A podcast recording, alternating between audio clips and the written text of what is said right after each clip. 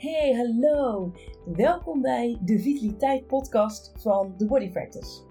Mijn naam is Lisa Huiskamp. Ik ben voedingsdeskundige en leefstijlcoach voor het MKB. En als vitaliteitsexpert uh, deel ik in deze podcast tips en adviezen over uh, vitaliteit en gezondheid op de werkvloer. Nou, ik kan dan denken aan thema's zoals voeding, lichaamsweging, balans, uh, slaap, ontspanning, maar ook stress en werkdruk. Soms doe ik dit alleen en soms met een gast. Ik wens je heel veel luisterplezier. Hey Tavita, allereerst welkom bij eh, de Vitaliteit podcast. Superleuk dat ik jou vandaag mag interviewen en dat je mijn eh, gast wil zijn. Ik heb echt mega veel zin in dit interview. Ik heb natuurlijk al een beetje voorkennis over wat er allemaal uh, gaat terugkomen. Dus ik denk dat het echt mega waardevol gaat zijn. En dat je echt onwijs veel uh, goede tips gaat geven. Uh, ja, voordat we eigenlijk de diepte induiken, uh, wil ik jou gewoon even de ruimte geven om je voor te stellen, zodat mensen ook weten wie je bent, wat je doet en wat jij natuurlijk met uh, Evita HR doet. Dus ik zou zeggen, take the floor. Ja, Lisa, dankjewel. Ik vind het ook echt te gek dat ik hier zit. nog nooit eerder meegemaakt. fantastisch om te zien hoe je dit allemaal doet. Ja, dankjewel. Uh, ik heb er ook zin in en ik hoop ook echt dat ik de luisteraar kan helpen met het voorkomen van ziekteverzuim. Want uh, met Invite is het, HR. Oh, um, help ik ondernemers um, om een verzuim onder controle te krijgen, om gedoe en conflict te voorkomen. En zie ik dus ook heel vaak wat er allemaal misgaat. Hè? Dus ik word meestal pas ingeschakeld als er al een probleem is ontstaan. Uh, terwijl je in mijn ogen heel veel kunt doen aan de voorkant. Dus ik vind het super dat we het daarover gaan hebben. Ik zal mezelf even wat uitgebreider voorstellen en ook voor de luisteraar. Want ja, ik denk dat jullie Invite HR niet kennen, gok ik zo. Dus uh, ik licht even toe wat wij allemaal doen. En uh, nou, Invite HR is een allround HR adviesbureau, uh, gericht op de MKB'er. Dus een beetje dezelfde doelgroep uh, als die jij hebt, Lisa. Ja, inderdaad. Wij houden ons bezig met uh, verzuim, zoals ik net al zei. Daarnaast doen wij arbeidsmarktcommunicatie. En uh, daarmee bedoel ik het schrijven van vacatureteksten. Daar zijn wij steengoed in. We hebben daar een uh, tool voor gemaakt. Om ehm, op een andere manier te denken en de juiste mensen aan te trekken. En daar begint het eigenlijk al. Want als jij de juiste mensen op de juiste plek hebt, ben je al bezig met vitaliteit en het voorkomen van ziekteverzuim. Mensen denken wel eens, hoezo arbeidsmarktcommunicatie en verzuim, maar daar ligt zeker een linkje. Um, nou, dan HR. En dat doen we vooral voor snel gegroeide ondernemers. Ondernemers die uh, hard gewerkt hebben, flink gegroeid zijn en ergens denken van, oh shit, HR, daar had ik ook nog iets mee moeten doen. nou, die mogen ons bellen. Ja. Dus, uh, dus dat is uh, wat we doen. Nou, ik neem uh, tien jaar ervaring bij UWV mee. Dus ik heb daar ook vooral gezien hoe gigantisch mis het kan gaan met mensen. Ja. En ja, ik wil me echt daar volledig voor inzetten om dat soort dingen te voorkomen. Ja. Dus dat is mijn drijfveer. En daarom ben ik in VTHR begonnen. Ja, tof. Ja, echt een wijsgave. En ik denk je net al een kleine tip van de sluier heb gegeven. Hè? Je had natuurlijk over loopbaan en vitaliteit. En dat is ook precies waar we deze aflevering over gaan hebben. Want wat is nou die link tussen ja, je loopbaan en vitaliteit? En hoe kun je dus ook als, als werkgever, door ja, echt meer aandacht te besteden aan die loopbaan van jouw medewerker, ook daarmee de vitaliteit van die medewerker beïnvloeden? Dat is precies waar we het vandaag over, uh, over gaan hebben. Uh, dat is ook al goed wat je net aangaf. Het gaat echt over ja, verzuimreductie, toch? Ja, en preventie. Die twee uh, dingen. Het liefst preventie, want uh, bij reductie is het er al. En we willen gewoon het liefst geen verzuim of een laag uh, verzuim. Ja, je wilt natuurlijk het liefst voor zijn. Precies. Ik heb een aantal vragen in ieder geval um, voor je papier gezet. Nou, waarschijnlijk gaat het gewoon een soepel gesprek worden. En ik ga ervan uit dat je onwijs veel waardevolle tips en tricks gaat geven voor de luisteraar. Maar ik zou zeggen, laten we gewoon in ieder geval even bij het begin beginnen. Want wat is nou eigenlijk die link die jij hebt ontdekt tussen loopbaan en vitaliteit? En waar jij dus ziet dat het bij heel veel werkgevers misgaat. Ja, um, wat ik al zei, ik word vaak aan de achterkant, zeg maar, ingeschakeld aan, het einde van het uh, proces als er al sprake is van verzuim. En de vragen die ik dan krijg gaan vaak over poortwachten. Van hé, hey, ik moet een papieren winkel aanleveren bij UWV. Help, wat moet er allemaal in? Uh, er mist wat, dat soort dingen. Mhm. Maar dan praat ik natuurlijk ook altijd met werkgever en werknemer. En wat ik dan zie, is dat verzuim uh, niet altijd een medisch probleem is, maar dat het vaak een arbeidsjuridisch probleem is Ja. of een loopbaanprobleem. Nou, wat ik daarmee wil zeggen is, eh, er zijn onderzoeken die eh, vertellen dat 2,5% van al het verzuim puur medisch is. En dat betekent, die mensen liggen in een bed, die hebben verzorging nodig. Die liggen thuis in een bed of in het ziekenhuis. En er, ja, er is geen discussie over of ze ziek zijn of dat ze wel of niet iets kunnen. Ze zijn gewoon hartstikke ziek. Nou, in alle andere gevallen is er wel iets mogelijk. Eh, dat kun je op twee manieren eh, benaderen. Eh, de eerste is de arbeidsdeskundige manier. Mhm. En daar heeft, er heeft hier een arbeidsdeskundige ja. gezeten en die heeft daar ook wat over verteld. Dan ga je eigenlijk kijken van wat kan iemand wel. Ja. Dus je hebt iemand met bepaalde klachten en ehm, daardoor kan hij zijn werk niet meer doen. Maar er zijn heel veel dingen die hij misschien wel kan en dan ga je dat aanbieden. Maar goed, stel je voor, je hebt twee medewerkers en die hebben dezelfde functie. Ja. En die hebben allebei dezelfde klachten. Ik noem maar wat. eh, zij had het over magazijnmedewerkers met rugklachten. Ja, inderdaad. Ja? Heel Ja. bekend denk ik ook wel. ja, dus stel je hebt twee magazijnmedewerkers met rugklachten. En de ene wil wel vervangend werk komen doen en de andere niet. En waar ligt dat dan aan? Ja, waar zit dat hem in dan? Precies. En ehm, de ervaring die ik heb, is dat er vaak al een periode aan vooraf is gegaan waarin iemand niet lekker in zijn functie zat. Een beetje in de zesjescultuur, om het maar zo te zeggen. Mhm. Hij had een oké baan, hij kreeg zijn salaris, maar kreeg niet echt energie van zijn werk. En op het moment dat je dan rugklachten krijgt, dan heb je veel sneller de neiging om te denken van hé, hey, eh, zoek het maar uit, ik meld me ziek. Terwijl als jij energie krijgt van je baan, dan ben je bereid om een paracetamolletje te pakken en toch eh, te komen. Ja, om Of- toch een stapje extra nog te zetten. Precies. Ja. Of om te kijken van hé, hey, ik laat mijn werkplek aanpassen of ik ga wat andere taken doen. Dus een, een baan waar je energie van krijgt, ja, die is heel belangrijk als het gaat om verzuimpreventie. En bij vitaliteit wordt vaak gedacht aan eh, bewegen, hè, aan eh, sporten, wandelen, dat soort dingen hoor je steeds vaker. Maar ook eh, gezond eten. En tuurlijk is dat hartstikke belangrijk. Maar als jij een baan hebt die jou leegzuigt, hè, die eh, jou zoveel energie kost, dan ben jij mega vatbaar eigenlijk voor alles. Ja, voor klopt. lichamelijke klachten, maar ook voor psychische klachten. Eh, bijvoorbeeld live events. Ehm, stel er gebeurt iemand of er gebeurt iets. Ehm, je bent al een hele tijd, zit je in die sessiescultuur. Je baan is oké, maar je krijgt er geen energie van. En ehm, iemand in je directe omgeving wordt ziek Mhm. en je wordt mantelzorger. eh, dan kost dat ook nog eens heel veel energie Ja. ja, dan, dan ga je wankelen en op een gegeven moment val je om.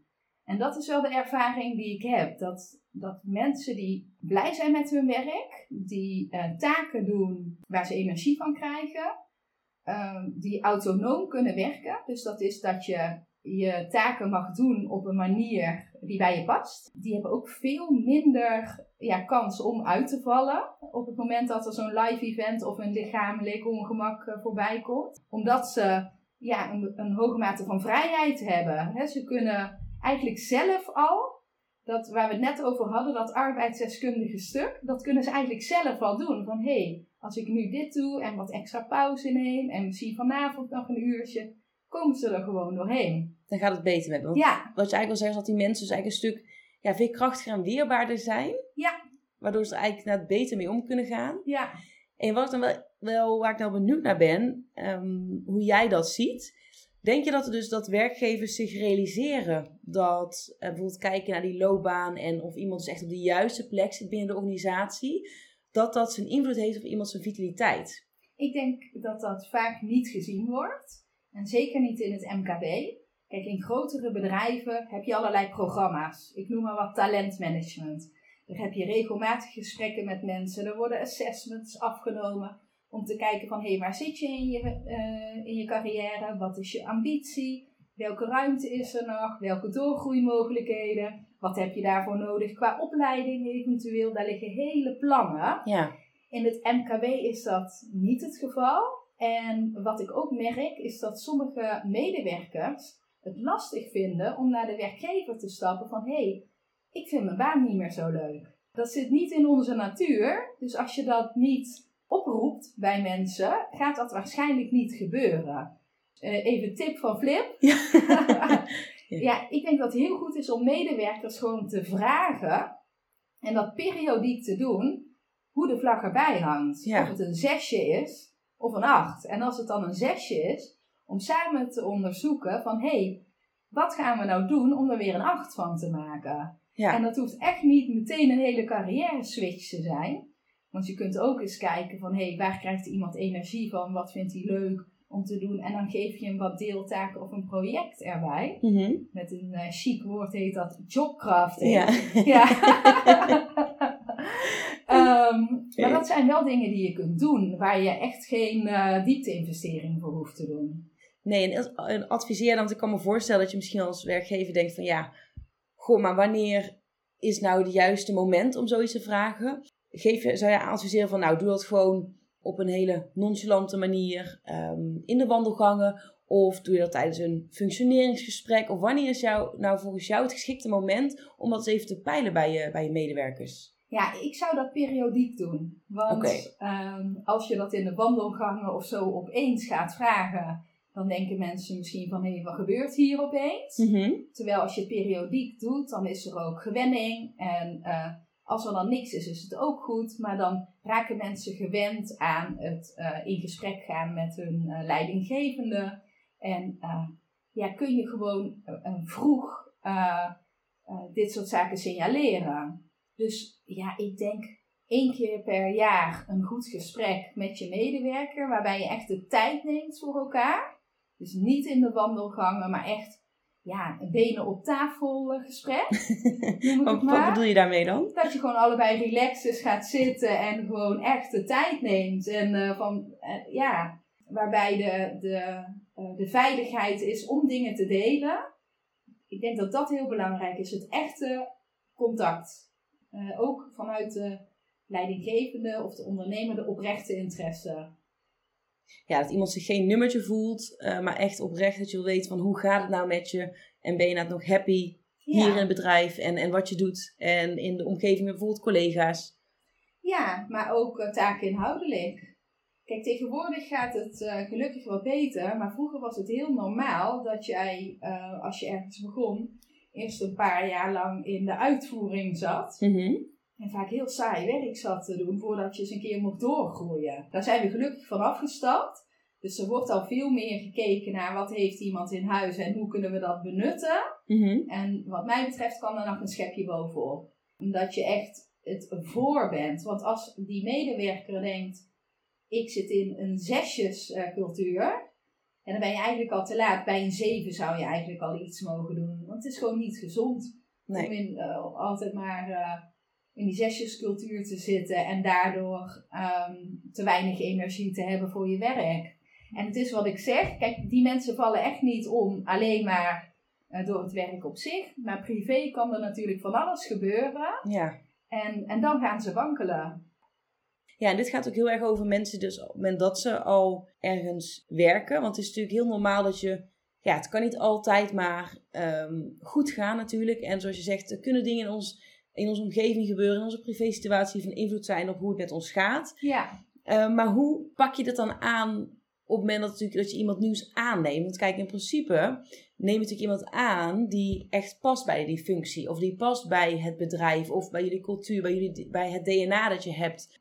Want hoe, hoe zie je dat dan, zeg maar, het verschil met wanneer iemand al werkzaam is en het dan dus monitoren en wanneer iemand dus net nieuw binnengehaald wordt? Ja. ja, ik kijk altijd naar lichtjes in de ogen. Als mensen gaan stralen en lichtjes in de ogen hebben als ze het hebben over die werkzaamheden, dan denk ik, ja, dat is het. En je kunt iemand alles leren in principe. Mhm. Maar ik heb liever iemand die zegt van nou, ik heb dit nog niet zo vaak gedaan. Ik wil daar heel graag leren en het lijkt me enorm uh, gaaf. Dan iemand die zegt van nou dit uh, inderdaad, ik heb hier 20 jaar ervaring mee en ik kom dat bij jullie ook wel even doen. Zonder uh, die energie. Dus daar kijk ik heel erg naar. Van, ja, wordt iemand er blij van? En ja, je ziet dat gewoon aan de persoon. Hoe zit hij erbij als hij praat over die taken? Je kunt dat soort vragen ook stellen. Hè? Want stel, uh, jij gaat uh, dit en dit bij ons doen. Ik noem maar even wat. Stel, jij komt bij ons de facturatie doen. Hoe zou je dat vinden? En nou, kijk eens wat voor antwoord je krijgt en hoe die persoon erbij zit. Als hij zegt van, nou ja, uh, dat lijkt me wel prima. Ja, dan denk ik, nou, die moeten we niet hebben. Nee. Nee. nee, dus dat is eigenlijk al gelijk een tip die je mee wil geven. Probeer in dat, in die, bijvoorbeeld bij inderdaad een sollicitatie, zo'n vraag al te stellen. En op basis van wat voor signaal iemand afgeeft, niet alleen wat iemand zegt, maar ook de manier waarop iemand iets zegt, hoe diegene erbij zit. Ja. Uh, dat je daar eigenlijk ook kan, kan signaleren van oké, is dit dus een functie waar iemand energie van krijgt of is het gewoon een zesje? Precies. Ja, inderdaad. Ik denk dat dat ja, heel belangrijk is. En uh, er zijn weer superveel vacatures op dit moment. Er zijn meer vacatures dan uh, werkzoekenden. Ja. En je hebt misschien de neiging om te denken, als er iemand reageert van nou, dan neem ik die maar. Mm Maar dan denk ik, ja, zoek toch even verder en kijk echt naar de juiste energie en naar iemand die hier echt warm van wordt. En neem die aan. Ja, en als het je niet lukt om die te bereiken, dan uh, kun je altijd bij me aankloppen natuurlijk. Want ja. ja. daar geloof ik ook wel in dat die speld in de hooiberger gewoon ligt. Dus eh, ja, het is verleidelijk. Uh, je hebt waarschijnlijk stapels werk liggen. En als je dan iemand hebt, ben je misschien al lang blij. Maar als diegene er gewoon niet met volle energie in zit en daar eigenlijk niet blij van wordt, ja, dan gaat hij vroeg of laat wankelen, denk ik. Ja, en dat is wellicht ook wel wat je in de, in de praktijk dan ook wel ziet. Ja, dat zie ik zeker in de praktijk. Ja, Dat, dat is mij overduidelijk. Mm ja, en hier valt echt nog winst te behalen. En door corona heeft de arbeidsmarkt even op slot gezeten. Dus mhm. mensen waren bang om te switchen. Ze vonden hun baan misschien niet meer zo leuk. Maar dachten, ja, ik weet niet wat er gaat gebeuren. Ik heb nu een vast contract.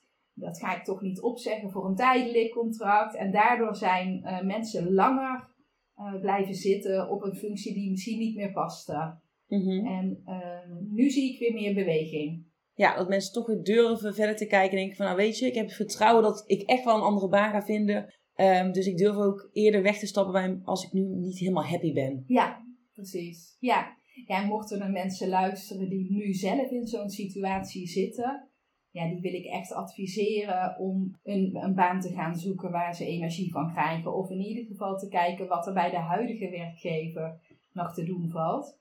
Want ja, langdurig zo rond blijven lopen is gewoon niet gezond. En dan, eh, dan staat het hartstikke leuk, een vast contract. Maar als je vervolgens uitvalt, heb je ook niks meer aan dat vaste contract. Nee. En weet je eigenlijk wel waar ik dan nog wel benieuwd naar ben? Um, jij zegt natuurlijk dat je ook bij de uh, arbeidsmarktcommunicatie natuurlijk helpt.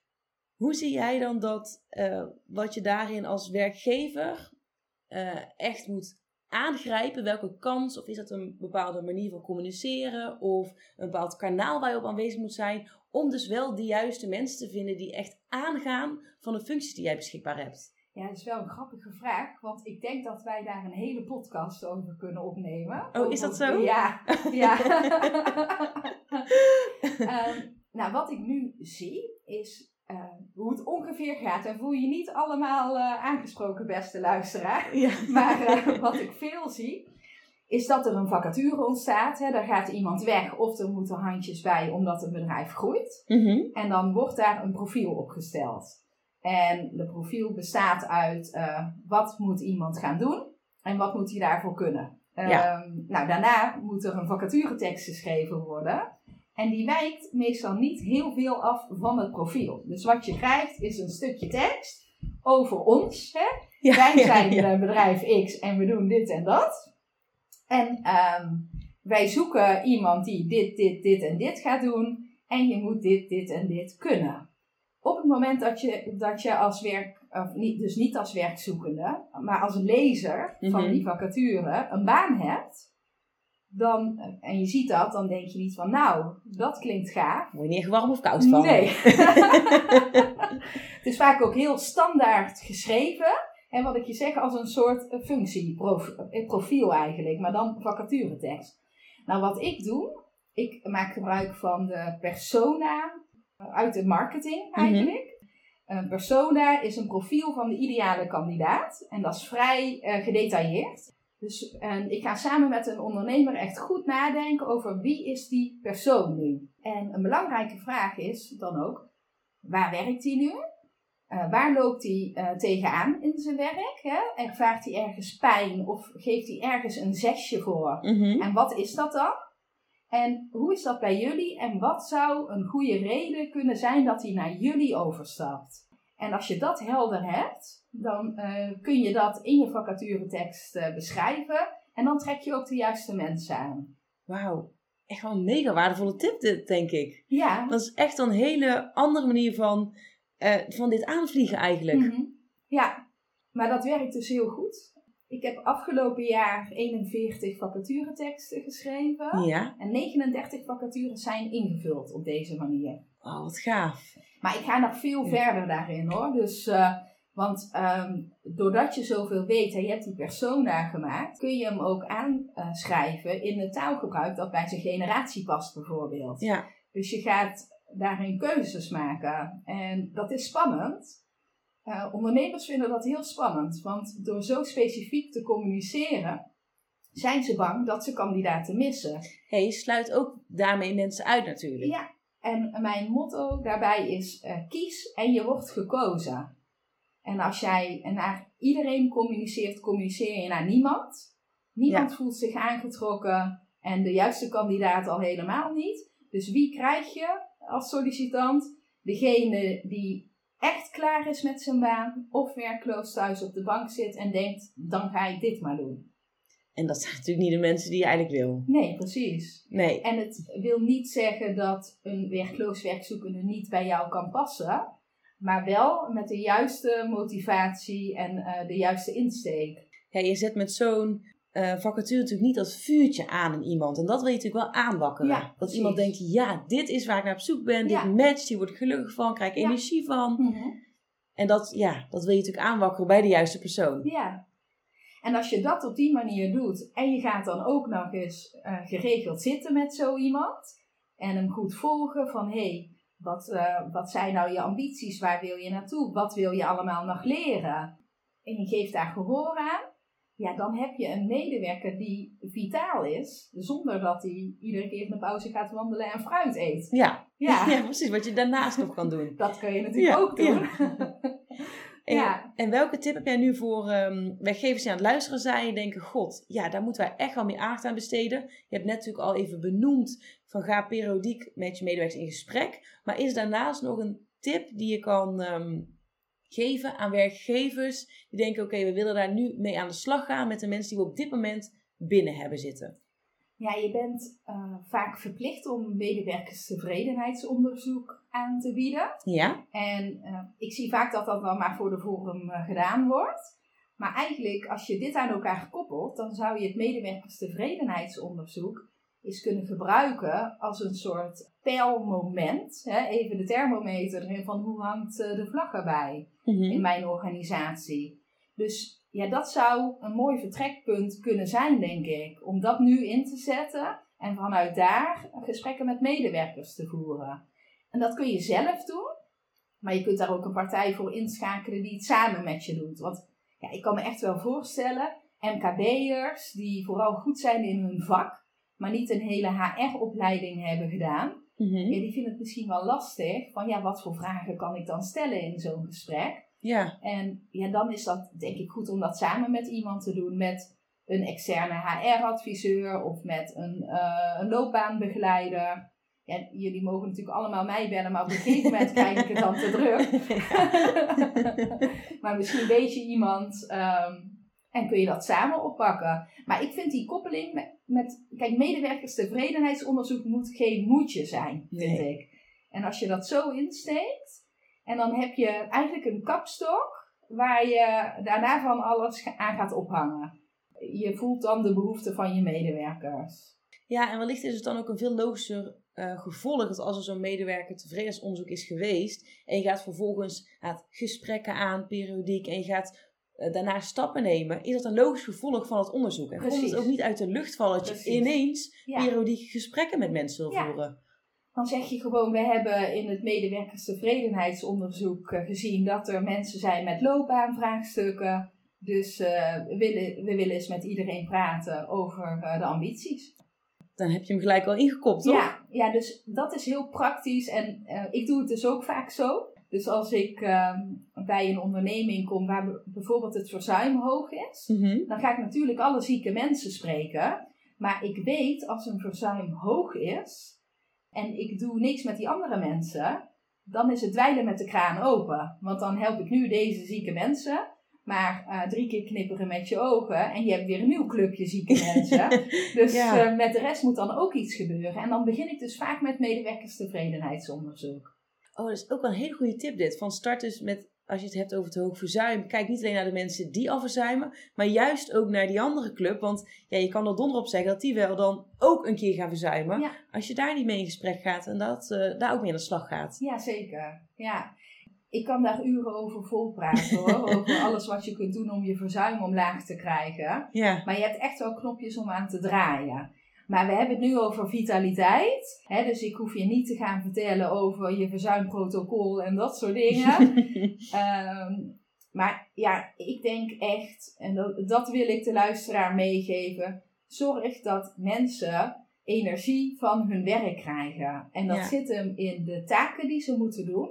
En natuurlijk mogen daar dingen tussen zitten die ze mooi, vinden. Ja. Maar overal moeten ze wel uh, genoeg dingen kunnen doen waarvan ze denken: hé, hey, gaaf, dit vind ik leuk. Maar dat heeft ook te maken met het team. Uh, sociale steun bijvoorbeeld werkt uh, preventief op werkstress. Dus mhm. op het moment dat, uh, dat, dat je nu een paar mensen thuis hebt zitten omdat ze in uh, quarantaine zitten, hè, dat, ja. uh, misschien wordt dit over drie jaar geluisterd en denken ze, waar, waar heeft ze het ja, over? Ik hoop het. dat zou maar, fijn zijn. Ja, maar je hebt wel mensen thuis zitten, daardoor moet de rest harder werken. Dus je vraagt iets extra's van je mensen.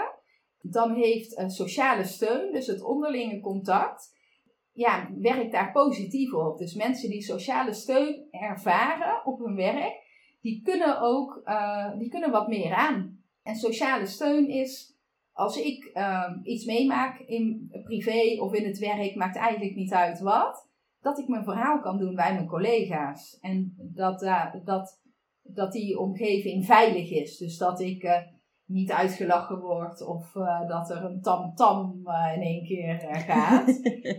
Want mensen maken gewoon dingen mee. Als je één gouden tip zou willen geven, als die er überhaupt al is, hè, om uh, ook de aflevering met een soort van bang af te sluiten. Iets wat we nu nog niet hebben besproken, of een bepaald onderwerp, uh, ja, of een bepaalde tip die je graag nog zou willen geven aan de luisteraar. Ik voel nu een enorme druk op mijn schouders om de aflevering met een bang af te sluiten. Helle. Oprechte interesse in je mensen. En ik kan me voorstellen. Ik een mooie. Als jij ondernemer bent en je hebt misschien een technisch bedrijf of een uh, accountantskantoor of iets waarbij je juist met feiten bezig bent, mhm. dat, het, dat die oprechte interesse minder in, uh, in jouw persoonlijkheid zit. En dat kan, maar schakel dan alsjeblieft iemand anders in. Uh, want je hebt misschien wel een secretaresse die het heel erg leuk vindt om dit soort gesprekken met mensen aan te gaan of misschien uh, de partner van de eigenaar.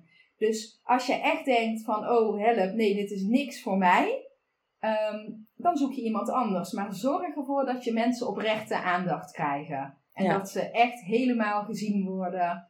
En dat je dus het zesje voor bent, maar met een zeven al uh, in de actie gaat. Ja. Knal. Ja. ja. nee, ik denk dat het een onwijs mooie tip is. Want ik kan me heel goed voorstellen dat in sommige branches dat mensen denken, ja, allemaal leuk en aardig, maar dat zit gewoon niet in mij, zeker als MKB-ondernemer. En dan is het natuurlijk onwijs waardevol en helpend om dan te zoeken van, oké, dan hoef je het zelf niet te doen, maar er is allicht iemand die al in het bedrijf rondloopt, of die jij in je omgeving hebt, die de taak wel op je kan nemen en wat echt de moeite waard is, om toch zo iemand dan in te vliegen. En dan hoef je het inderdaad zelf niet te doen.